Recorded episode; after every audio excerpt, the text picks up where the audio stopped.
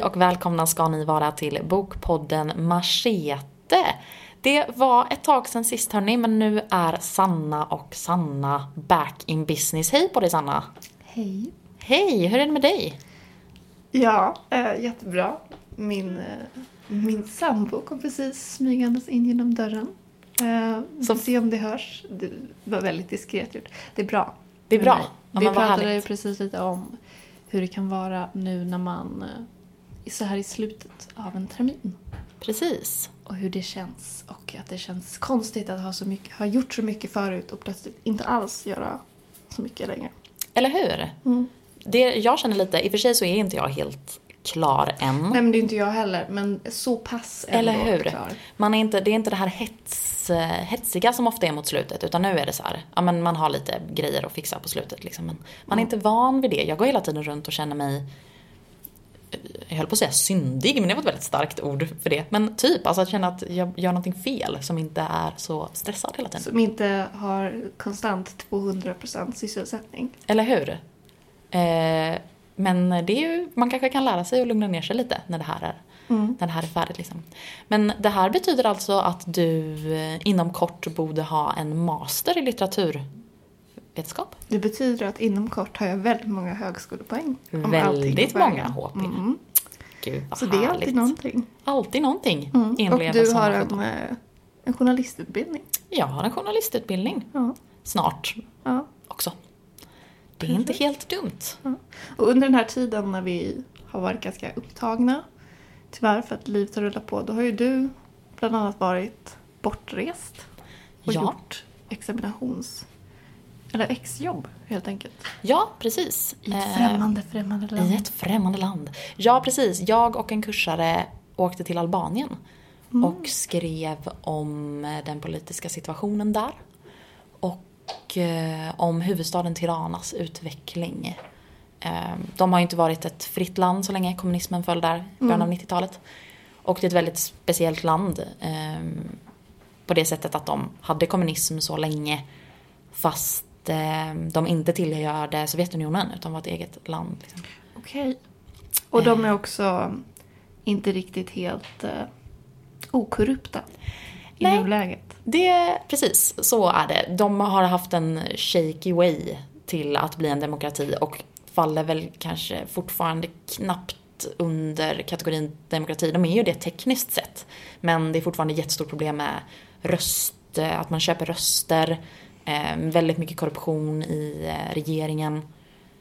Ja, men de har mycket problem med hur de ska få landet att komma på fötter på riktigt. Liksom. Mm.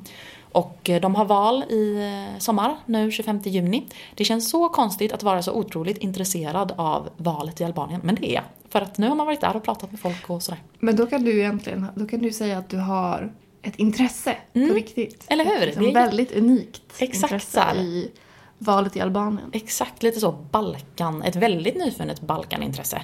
Mm. Eh, och jättegärna tillbaka till Albanien eller Makedonien eller Bosnien, Hercegovina. Mm. Väldigt vackert. Rekommenderar varmt. Mm. Kul. Mm. Och du har haft för dig vad då här under senare ja, eh, våren? Dels har jag jobbat klart på den här eh, uppsatsen som mm. jag jobbat på jättelänge. Vad, vad handlar din uppsats om för den intresserade? Den handlar väldigt kortfattat om eh, eh, förläggaren som en, det är lite fel ord, men som en typ av medskapande författare mm. till ett eh, skönlitterärt verk. Spännande. Sen, sen har jag också haft bokförlagspraktik. Just på ett, eh, ja, litet slash mellanstort allmänutgivande förlag i Stockholm. Mm. Det har varit jättekul och väldigt givande. Jag har fått göra jättemycket saker så det har varit en extremt intensiv och lärorik period. Mm. Så nu, nu börjar det närma sig att jag ska få vara ledig ett tag och det är jätteskönt. Jag förstår det. Gud vad skönt. Men vad, vad fick du göra på det här bokförlaget då?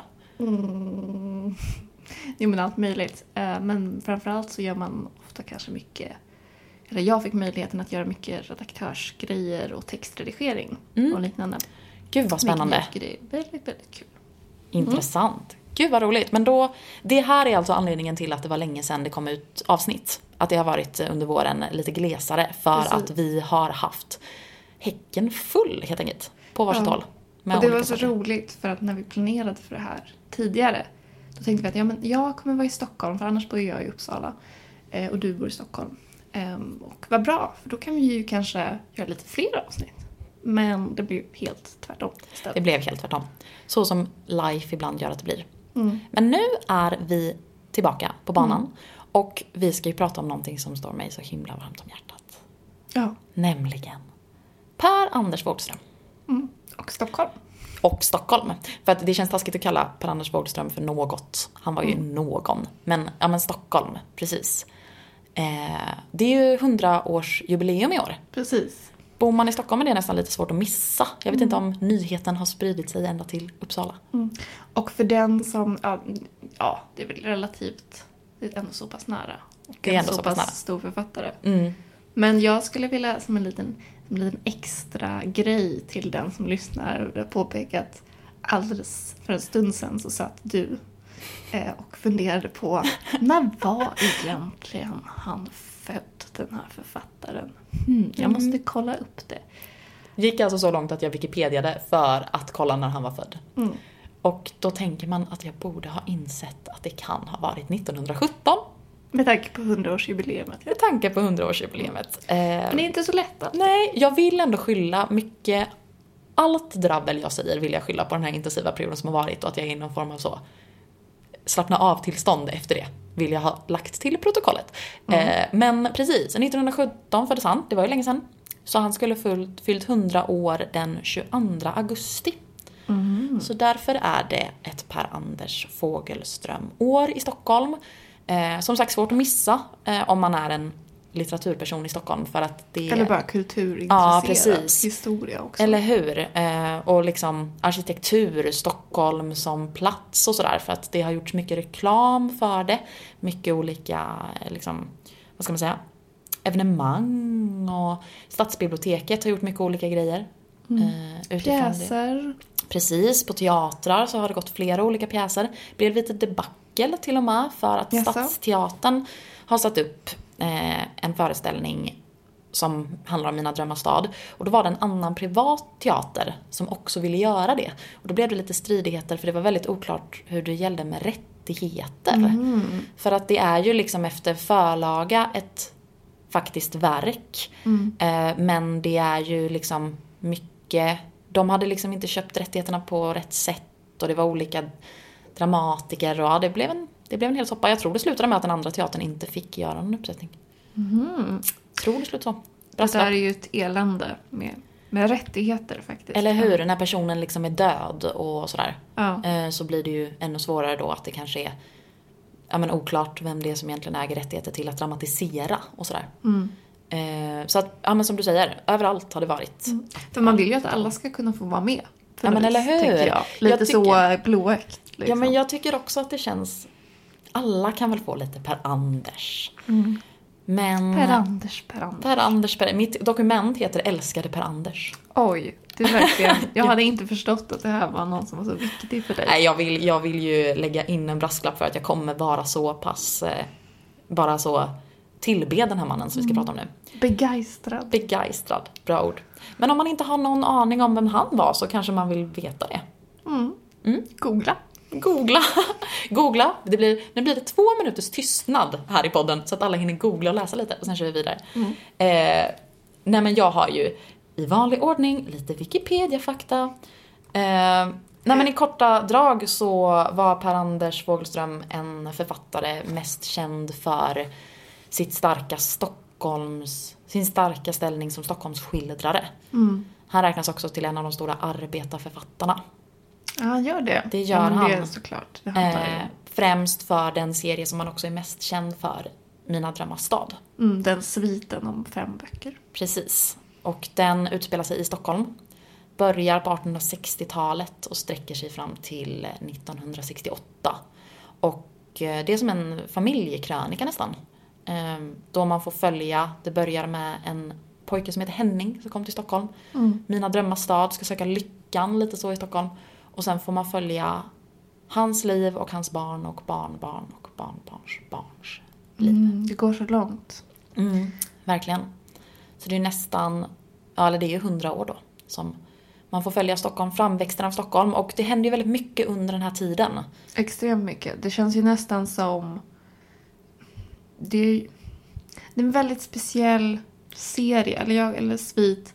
Och jag kanske egentligen mest ska uttala mig om den första boken för det är den jag framförallt har läst. Att den är ju inte en traditionell roman utan handlar ju så oerhört mycket om tiden, Mm. tidsperioden och, eh, och arbetarklassen under tidsperioden. Så det är, ju- han spränger ju in massa riktiga historiska händelser, kungar och... Precis. För att som du säger, den är ju verkligen en, vad ska man säga, hybrid på det sättet att alla de här karaktärerna är ju påhittade.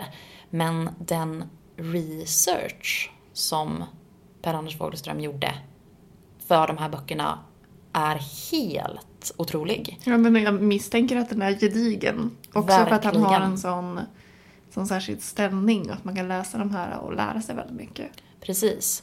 Han eh, efterskänkte allt sitt eh, forskningsmaterial till Stockholms stadsmuseum efter att han dog. Och det var typ så här 87 permar och så hyllmeter med böcker.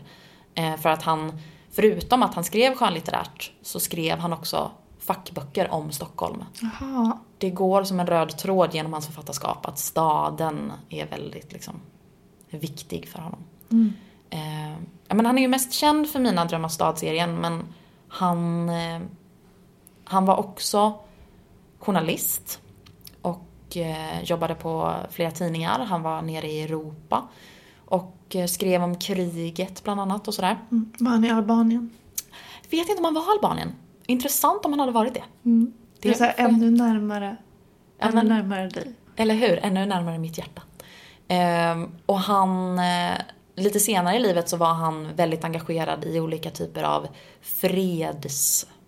fredsrörelser. Han var emot Vietnamkriget, han var ordförande i en eh, organisation som jag inte hade någon aning om att den ens fanns som heter AMSA, Aktionsgruppen mot svensk atombomb. Eh, som var ett gäng författare som jobbade mot att Sverige skulle skaffa atombomb på 1950-talet. PGA. Alla var rädda och ville skaffa atombomber. Så här på den här sidan om historien så känns det ju som att så känns han ju väldigt sympatisk. Väldigt sympatisk. Medan det fanns folk som tyckte han var liksom kommunistisk typ eller så. Ja, men det tycker väl Det tycker, tyckte de inte det allihopa. Eh, nej men vi ska ju prata om Mina drömmars stad. Du sa främst den första boken. Vad, vad liksom tänker du om den? Ja, men jag håller ju verkligen med det här i att det är ju, han har ju sprängt in riktig fakta, riktiga upplopp, riktiga kungar som dör och tillsätts nya och sånt där. Eh, Villkor, arbetarrörelsens framväxt. mm. Liknande. vad, vad skulle du säga mer att så här, stannade hos dig när du läste den första boken?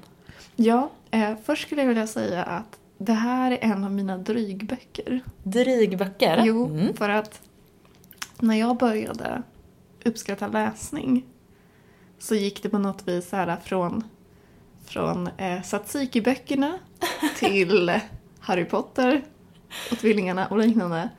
Eh, och sen någonstans ganska tätt inpå det läste jag Mina drömmars stad. Alltså det är ett stort kliv. Det var ett väldigt stort kliv och jag kan inte säga exakt hur gammal jag var. Jag minns det som att jag inte var så gammal.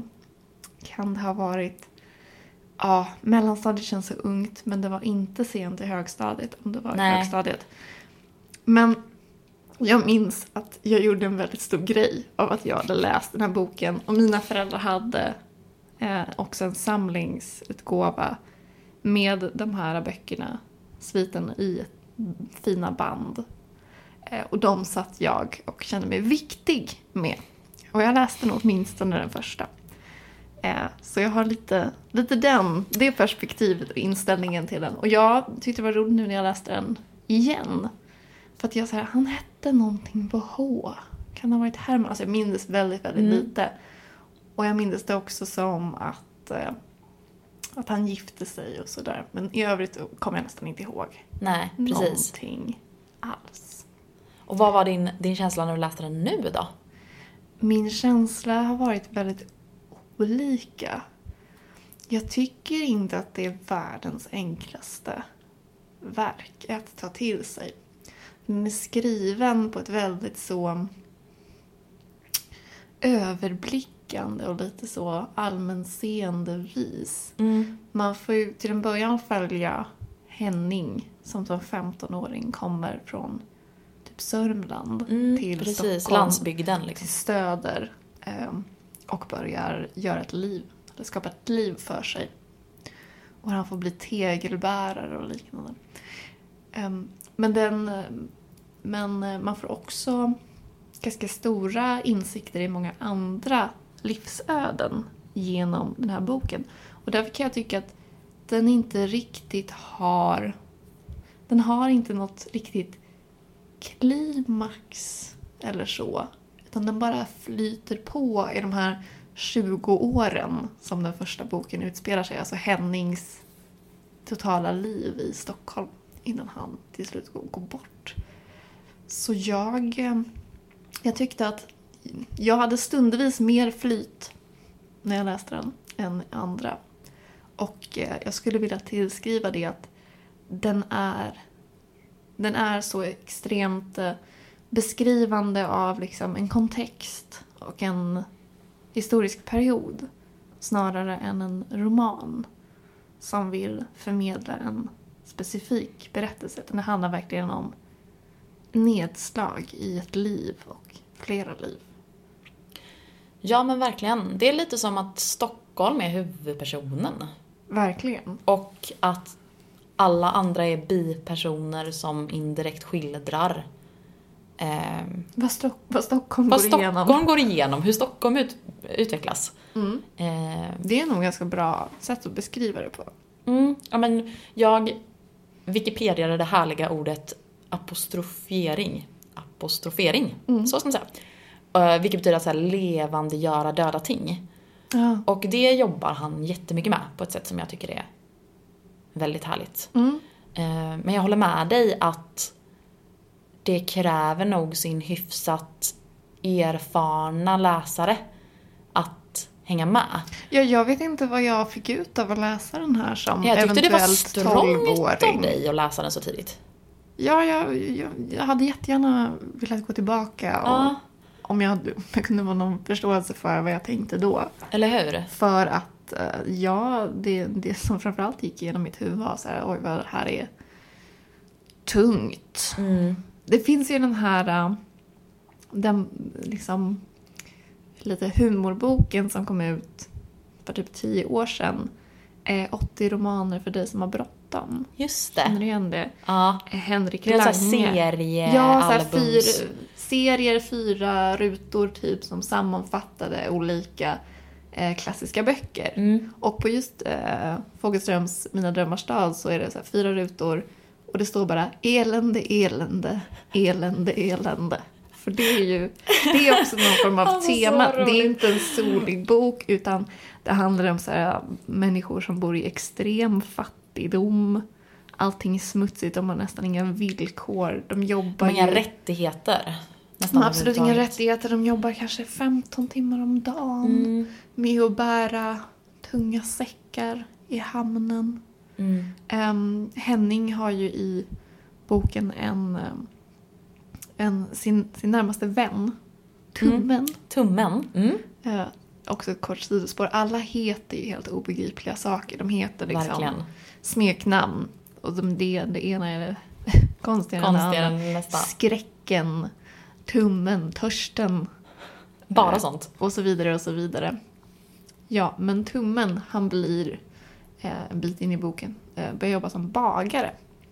Och då beskrivs det också hur han har tre lediga dagar om året. Mm. För att i andra yrken, eh, som exempelvis Henning som arbetar som sjåare i hamnen, Mm. har de kanske en ledig dag i veckan. Eventuellt, men då väldigt långa övriga arbetsdagar och Eller hur? osäkerhet. övrigt. Men de här uh, bagargesällerna, de har tre lediga dagar och då handlar det kanske om annandag pingst, midsommar, Precis. dagen, den typen Det är inte som av- att de kan ta ut någon ledighet. Nej, utan nej, det är nej, så här, absolut den här inte. dagen Det fanns ju inte den typen av möjligheter. Det här var ju då som sagt 1860. Ja men precis, det är så här 1870 slutet av Mm. 1800. Ja men ja, och ibland känner jag lite att jag skulle vilja att alla människor läste Mina drömmars stad serien, i alla fall de första böckerna. För den resan som händer på bara de drygt hundra åren säger så himla mycket om hur kort tid sedan det var Sverige inte var så himla rikt. Verkligen. Att liksom, det känns som att så här, dagens kids skulle fan behöva veta. Eller okej, gud. Låter så gammal och så här, sur på omvärlden. Men lite så. Kids. Att så här, kids need to know. Nej men så här, jag kände att jag fick ett sånt uppvaknande.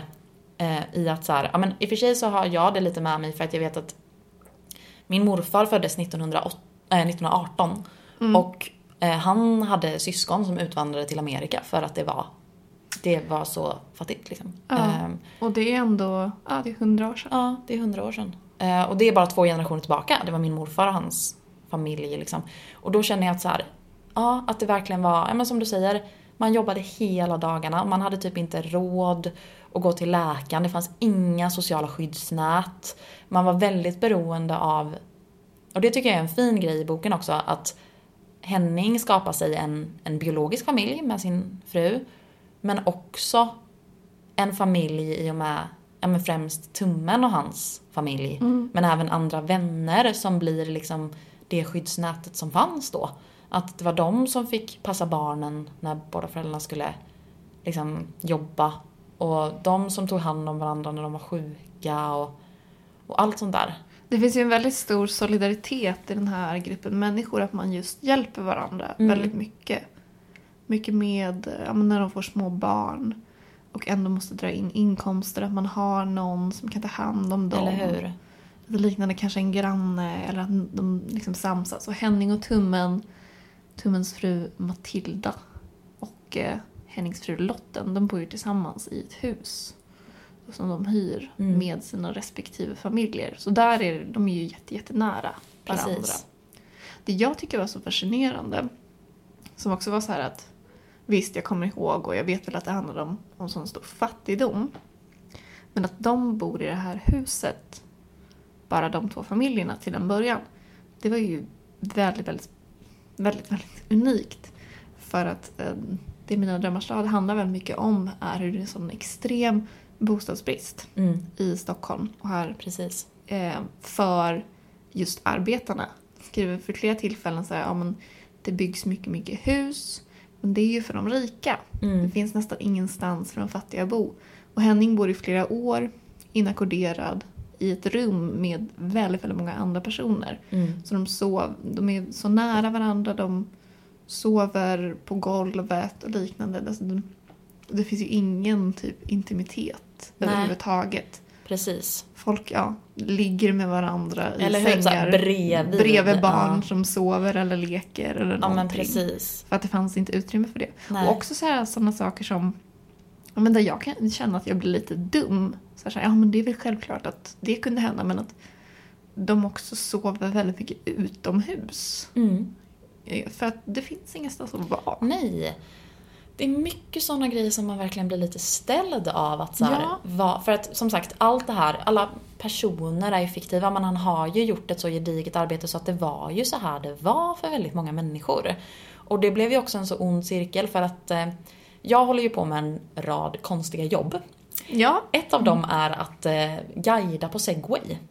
Mm. Jag Eh. älskar det jobbet när du beskriver det jobbet. Ja, då åker jag runt på en segway och pekar ut saker för turister och berättar Stockholm. lite. I Stockholm. Mm. Och då åker vi förbi Åsögatan eh, som ligger på Vita bergen. Och där bor eh, Henning och Lotten senare. Precis. Eh, och, Fast för jättelänge sedan. ja, precis. Fast för jättelänge sedan. Nu är ju det så pass dyra, fina lägenheter där. Som är K-märkta, du får inte liksom göra någonting med dem. Det är, de är helt fantastiskt, som små söta röda stugor typ. Lågt i tak och väldigt litet så. Perfekt om man är typ kanske två personer.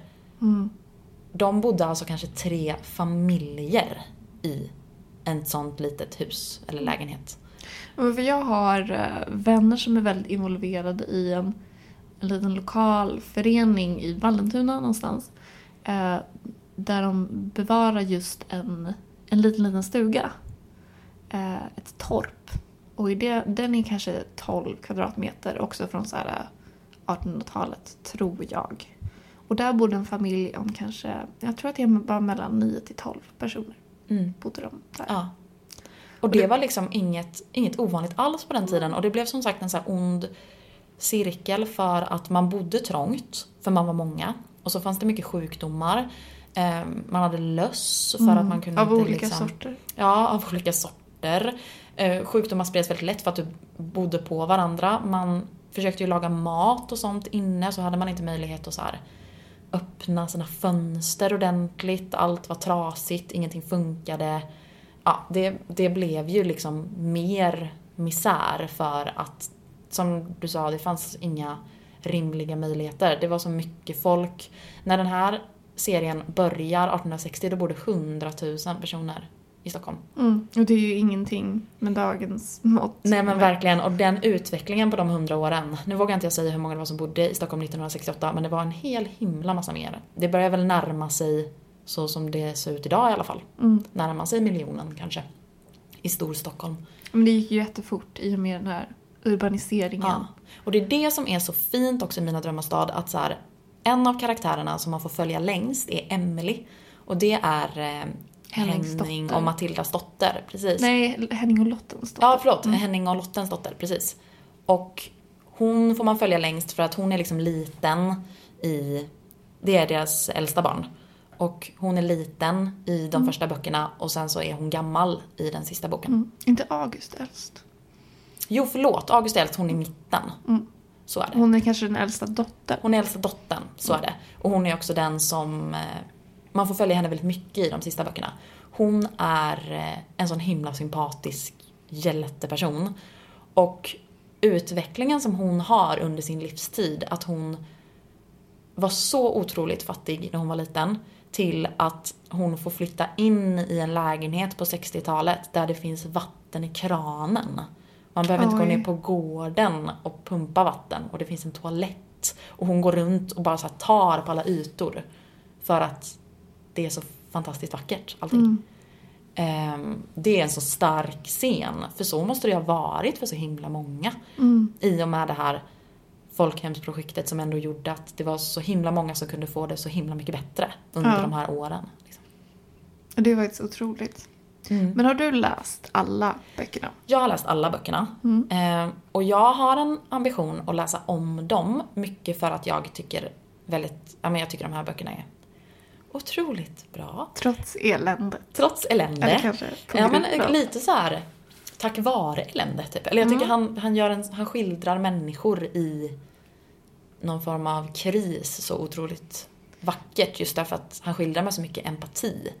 Du är, så Ehm, pass, eh, du är så pass kulturell att du vet att det finns ingenting som är värt kritikers uppmärksamhet om det är trevligt. Eller hur? Det ska, Det ska vara, det har ingen verkshöjd Nej. om det är mysigt. Det ska, ska bara inte vara vara äckligt och Det vidrigt. ska vara misär på alla nivåer. Eh, nej men, sen så har jag ett väldigt starkt känslomässigt band för att jag läste den första boken, Mina drömmars stad, när jag precis hade flyttat till Stockholm. Mm. Alltså hösten, sen sommaren 2015. Och då var jag vid en punkt i mitt liv där jag kände mig lite som ett så här rådjur i strålkastarljus. Mm. För att jag hade brutit upp från ett långt förhållande, jag hade flyttat in till någon himla snubbe som bodde på Odenplan. Jag förstod knappt Som inneboende. Som inneboende, ja, mm. precis. Jag förstod att de två sakerna efter varandra lät som att jag bara såhär, moving on. Mm. Eh, En som jag bodde hos. Ehm, och det gick så himla fort allting så helt plötsligt så stod jag där med mina väskor och bara jaha, nu ska jag bo i Stockholm. Jag hade liksom, skulle börja på en ny praktikplats där jag var jätterädd för allting och tyckte att saker kändes väldigt roliga men läskiga. Och jag fann så mycket glädje i den här boken. Och det kändes som att jag, det var så symboliskt att läsa den den sommaren när jag liksom skulle flytta dit och att jag läste om massa gatunamn och jag läste om massa... Ja, det var väldigt, väldigt fint för att jag har alltid varit kär i Stockholm men jag blev kär igen Mm. när jag läste de här böckerna. Precis. Du var mera avståndskär då från början och sen Precis. fick du möjlighet att, att flytta dit med en liten, liten sväng förbi Uppsala först. Eller hur? Det var ja, men väldigt så. Jag vet att jag så gick över bron till Skeppsholmen när det precis hade stått om hur de var på Skeppsholmen och hur det var så här. ja, det var så, något så himla coolt i att sitta på gräset där och veta att vilka historier som finns i den här stan. Igen, jag vet ju att ingen, ingen av de här personerna som finns i Mina drömmars stad har funnits samtidigt som de ju har det i en miljon skepnader. Mm. Liksom. Eh, så att eh, jag har ju, det här skulle aldrig flyga eh, liksom vad ska man säga, journalistiskt för att jag har ett alldeles för starkt empatiskt band för att kunna säga någonting om mina drömmars stad egentligen. Men ja, jag har läst allihopa men det tog ganska lång tid för jag läste dem liksom inte i följd. De två första läste jag efter varandra tror jag. Sen så gick det några månader så läste jag en till. Mm. Några månader så läste jag en till. Det är verkligen inte en snabbläsning skulle Nej, jag gud. säga. För jag försökte göra det och det gick inte så bra. Nej, Och min erfarenhet den är ju, du vet, allmän. eller hur? Nej men just att den är, den är, den är tung Mm, i, sitt, i kräver- sina beskrivningar. Mm. Den kräver sin tid. Mm. Eh, verkligen. Man måste... Och jag tycker också att det är en... För mig är det en... Det här handlar också jättemycket om vad man känner för, vad man har tid för och sådär. Men om man ger sig tiden så får, tycker jag att man får väldigt mycket av att läsa de här böckerna. Men det är som du säger, man, man måste låta det ta tid för att det, det gör det. Det är, så, det är väldigt mycket information, det är väldigt mycket, men som du sa, överblickar. Det är ju inte handlingsdrivet på det sättet att det är Nej. särskilt spännande utan det följer ju deras liv. Precis. Någon som får sparken, någon som blir försupen, någon som gifter sig. Det är ju liksom såna everyday life. Och det märks också att de kanske inte har heller de mest händelserika liven eftersom han gör rätt saftiga hopp Mm. i tiden. Också att plötsligt är det några år senare Precis. om man går vidare. För att, ja men som vi varit inne på, att det var ganska mycket samma sak. Mm. Det var att jobba jätte, jättehårt för att kunna få in några små slantar för att få familjen och Mm. liksom ha någonting att leva på och Precis. kunna betala sin hyra och, Mm. och så. Ja men det, det är väldigt fint och någonting som skildras också tycker jag med väldigt stor empati det är just arbetarnas förutsättningar och arbetarnas stolthet och empati för varandra. Mm. Men visst, alltså det är klart, det förekommer ju jättemycket osympatiska karaktärer, det är mycket folk som försöker men som ändå inte kan låta bli att supa bort sin lön eller gå till prostituerade och sådana grejer. Alkoholismen är ju Väldigt, väldigt stort problem. omfattande. Mm. Men det är också för att, som de beskriver, att där, där Henning jobbar då, i hamnen framför allt, får han delar av sin lön på krogen. Mm. Då har det, hans eh, chef ordnat med kredit där. Och många av hamnarbetarna just de, de dricker jättemycket. Ja. Och han, Henning är ju väldigt speciell och det är lite därför han också är huvudperson. För att han skiljer sig från majoriteten genom Mm. att vara väldigt ordentlig och betänksam. Mm. Han är liksom inte den som den som går till prostituerade eller super bort. Utan han, när han väl träffar eh, Lotten så vet han att han ska vara med henne. Mm. Och att han, han tar väl, han, han värderar verkligen eh, goda relationer Mm. och sin familj Precis. väldigt mycket. Han känns väldigt mycket som en typ modern pappa. Han känns väldigt, väldigt sättet. modern. Och det vet inte jag så att det kan man ju också kritisera Mm. verket för. Verkligen. För det är ju, det händer ju ändå, alltså det är svårt att skriva historiska verk på det sättet. För att det är svårt att sätta sig in i hur man tänkte Precis. på en annan period. För det är ju, det kan vara något av det svåraste att hitta liksom bevis för. Eller hur? Antingen i skrifter och så. Jag vet att den här eh, Kristin Lavransdotter sviten också eh, som ju är Nobelpristagare som har skrivit. Den har också kritiserats för, för den utspelar sig på medeltiden, liksom jätte- jättelänge sedan. Den har kritiserats för att det här är ju liksom ett modernt förhållningssätt till kärlek. Precis. Och det är lite liknande så att Henning skulle också kunna ses som en väldigt sympatisk person Mm. även 2017. Ja, det är en av, en av få saker som jag tycker liksom, man ändå kan reagera lite på. Det är att eh, jag tror att Fogelström i sin vilja att skildra liksom patos och empati, kollektiva gruppen arbetare så blir Henning är ju verkligen en, en stjärna. Det finns ju liksom inget det blir väldigt, i hans familj så är alla väldigt, väldigt fina och mm. goda. Och den här Emily som jag pratade om, hon går... Dotter. Ja precis, dottern mm. där. Hon går liksom genom hela sitt liv och hon, hennes enda mål är att alla runt henne ska må bra. Hon lånar ut pengar ah. och hon gifter sig aldrig för att hon är hela tiden att hon måste försörja de eh, barnen som kommer in i familjen antingen via liksom eh, vänner eller så som hon tar på sig att ta hand om. Så hon skaffar aldrig några egna barn. Um, och det enda hon tänker på när hon är gammal är att ingen ska betala för hennes begravning.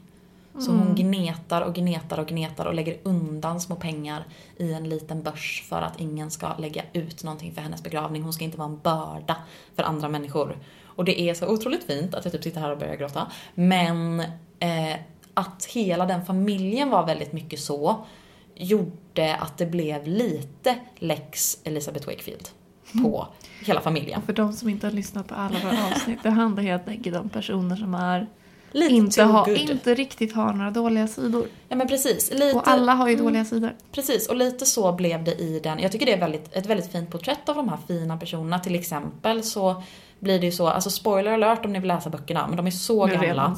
Vi har spoilat så mycket. Men August, den här storebrodern då, han blir bortadopterad till en rik familj. Mm. Eh, och lever sitt liv som rik sen.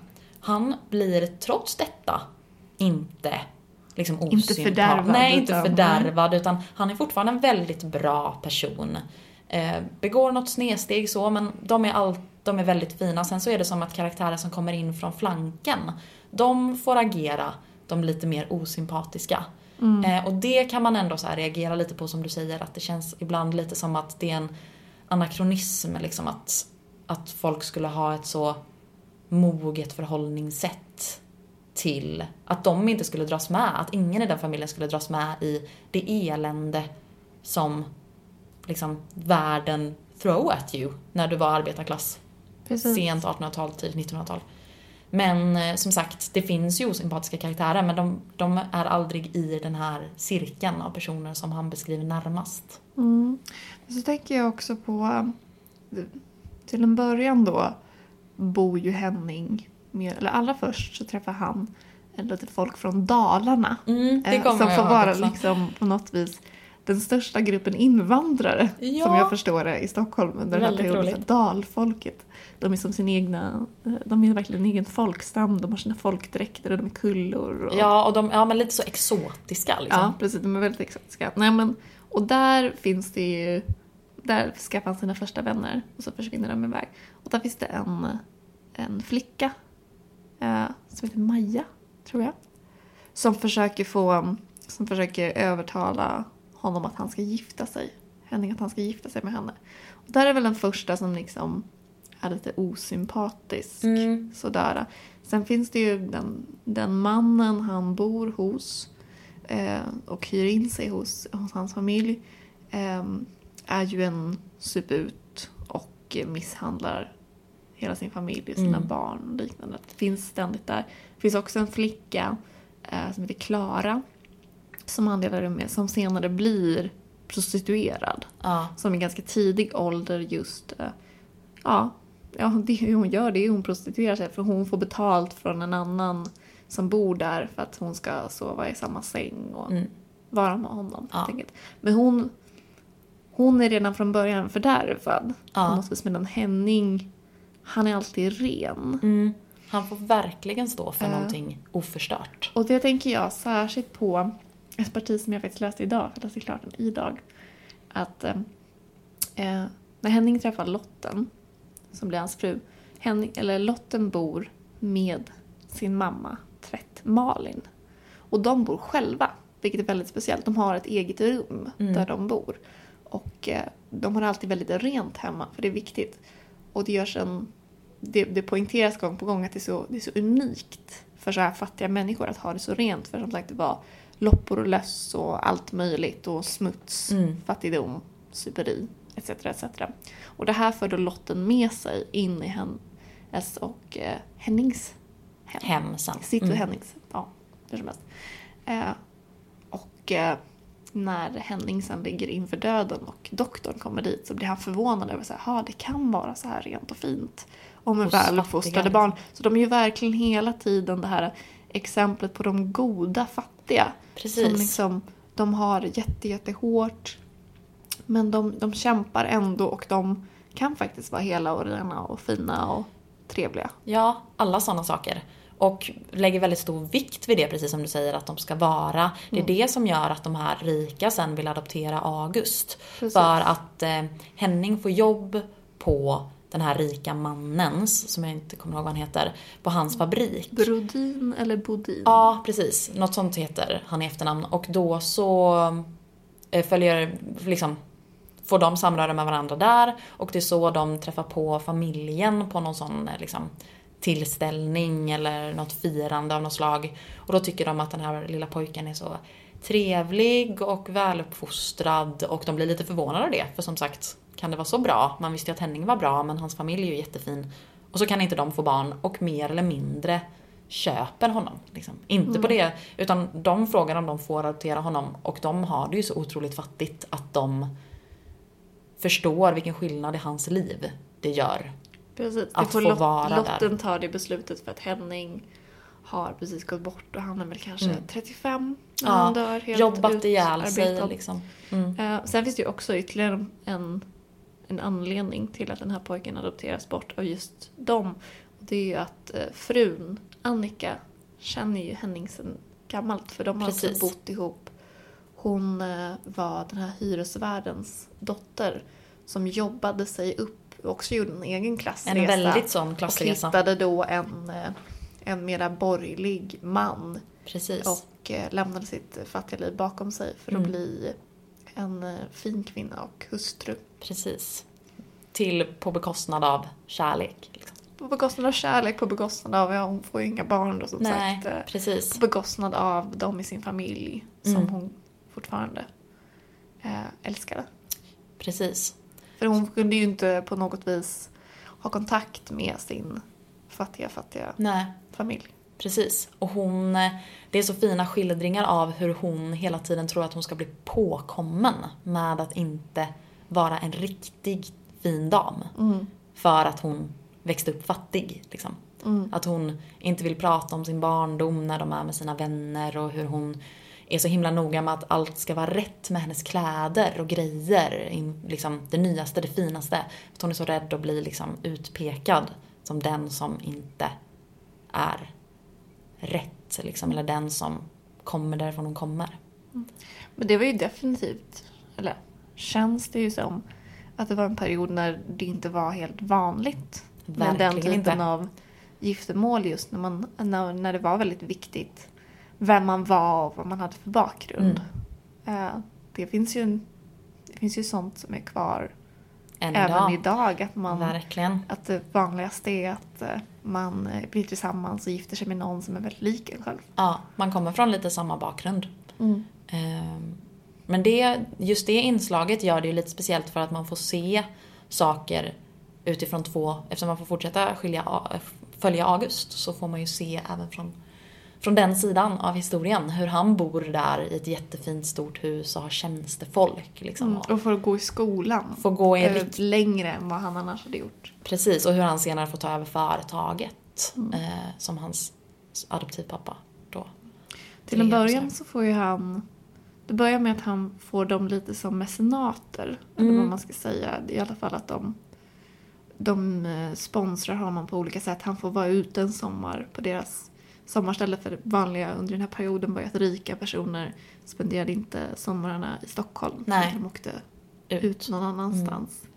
Mm. Eh, kanske till skärgården eller dylikt. Eh, så han får ju det finare och finare och på det bara när han börjar beblanda sig med det här finare folket så kan ju inte han riktigt hänga med de gamla vännerna. Eh, som vanligt, genom boken så växer ju då August och eh, Tummens son Rudolf upp mm. tillsammans. De är i princip bästa vänner då.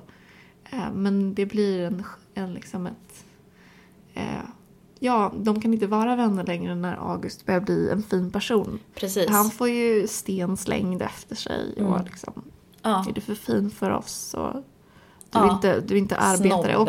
Och, och um, Lotten, mamman, hon är så orolig för att han läser för mycket. Och Mm. Vad ska det bli av honom liksom? Precis. Kommer han, han kommer inte kunna jobba i hamnen eller vad det nu skulle kunna vara på Mm. fabrik. Ja det, ja, det är väldigt sorgligt det här när Lotten får, får följa hans uppväxt på håll. Liksom. Ja. Eh, och träffa honom ibland och just det så här orolig för hur, hur tar de hand om honom och hur, hur ska det gå. Liksom. Mm. Men överlag en väldigt stor behållning. För sen den här Rudolf till exempel åker till USA och blir eh, Mhm. eh, jobbar där som lokförare tror jag för att han körde eh, spårvagn, alltså häst och vagn spårvagn i Stockholm. Och sen så är det så fattigt och eländigt så de bestämmer sig för att åka till USA. Så att det är en väldigt bra historielektion att läsa Mina drömmars stad. Nej men så att man lär sig fruktansvärt mycket om historien för att Per-Anders själv var så otroligt mån om att veta alla, alltså noggranna detaljer om hur folk hade det, hur folk levde, hur de såg ut, vad de åt, hur det funkade med löner. Det Mm. är eh, en väldigt historiskt intressant skildring av en fantastisk stad. Mm. Då skulle jag vilja säga att jag får ibland lite känslan av, alltså, jag tycker också att den är bra. Absolut. Men, Men det kommer men. ibland så känns det som att man sitter på en lektion med professor Binns i Harry Potter. Som är eh, historieläraren. Det här spöket som är Just så det. Mm. urbotten tråkigt. Att Tycker han, att liksom, blir va, han somnade i sin stol och sen vaknade han en morgon och var ett spöke och bara fortsatte undervisa och alla sov på hans lektioner. Ja, men jag kan tycka att det inte är så spännande ibland. Nej, det är det verkligen inte. Vill man läsa någonting spännande, läs inte Mina drömmars stad. Nej. Ni kommer bli besvikna. Och då kan jag också känna så här, nu när jag har jobbat mycket med min uppsats, eh, då har jag läst eh, brev ehm, mellan förläggarna på Albert Bonniers förlag på 30-talet. Gud vad spännande. Eh, precis, tack. Eller ja, jag vet inte. Eh, Det är kul när någon, någon annan säger någonting positivt om det här till författarna Harry Martinsson och Moa Martinsson för att kolla på förläggarnas medskapande, eventuella medskapande funktion. Och då skriver Tor Bonnier eh, i ett brev så här, men bara för att någonting är någonting beskrivet som det är i verkligheten behöver inte innebära att det är stor konst. Och det är väl lite så jag känner stundvis. Mm. Hur tänker du? Jag tänker att det är väldigt sant. Eh, Och att jag tänker att enda anledningen till att jag orkar mig igenom alla de här böckerna och gör det med så stor behållning är för att jag tycker att Fogelström har en sån... Eh, dels att han har ett väldigt bra språk. Jag tycker man kan så här typ främja lite släktskap med typ Vilhelm Moberg och den generationens författare i att ha ett väldigt levandegörande språk och intressanta karaktärer som jag känner empati för. Men jag tror ju också att det här grundar sig i att jag ehm, är väldigt intresse- intresserad, alltså det stroke every string med den här personen. Det handlar om Stockholm, det handlar om lite historia, det handlar om arbetarkultur. Allt det här är jag väldigt intresserad om. Jag har liksom skrivit mina uppsatser om så här arbetarlitteratur och litteratur från den tiden som böckerna utspelar sig i för att jag tycker det är sa- intressant. Ehm, Så att jag förstår verkligen hur du menar. Men jag tycker att man, alltså så här, jag vet inte hur procentsatsen skulle vara. Men jag tycker att det kanske är så här 60% ganska torr fakta, historia. Men sen de 40 procenten som är härlig, härlig prosa tycker jag gör att jag köper dem, att det är ändå 60 procent, att det ändå är lite mer av det. Gör jag för att jag tycker att de 40 procenten är så pass härliga som de är. Men jag förstår hur du menar och jag tycker att det är Jag tror att jag läste dem på väldigt rätt... Det är därför jag är lite rädd. Har du några sådana böcker som du är lite så rädd för att läsa om? För att du Definitivt. tror att du inte kommer att tycka att de var lika, är lika bra? Nästan så. alla favoritböcker ja, är så. Sådär. Exakt. Ja, jag kommer nog aldrig riktigt... Nej, men så känner jag jättemycket så. med Mina drömmars stad. Jag tror det bara slog an så himla rätt i vad jag var just då. Och idag kanske jag bara skulle sova. Mm. Risken finns. Jag förstår. Ja, men bra sagt. Men så, då har vi pratat lite om Per-Anders Fogelströms Mina drömmars stad-serie. Jag tyckte det gick ganska bra faktiskt. Nej men det, jag tycker inte vi kände så ringrostiga. Nej. Jag var rädd att vi skulle sitta här och bara titta på varandra över ja. köksbordet och alla, alla kläder och böcker. Och säga och, bara äh. och bara, äh, inte ha några... Men jag tyckte vi var uh. exemplariskt. Ja, och trots att jag nästan inte har några anteckningar här så känner jag att jag inte freestylade allt för mycket. Nej men jag tyckte, jag tyckte det bra bra, tumme upp, mm. like och så vidare. Klapp på axeln. Klapp på axeln. Eh, på tal om det hörni, så har ju vi lite, vad ska man säga, kört igång igen nu för sommaren. Och vi tycker det är jätteroligt att interagera med er. Så...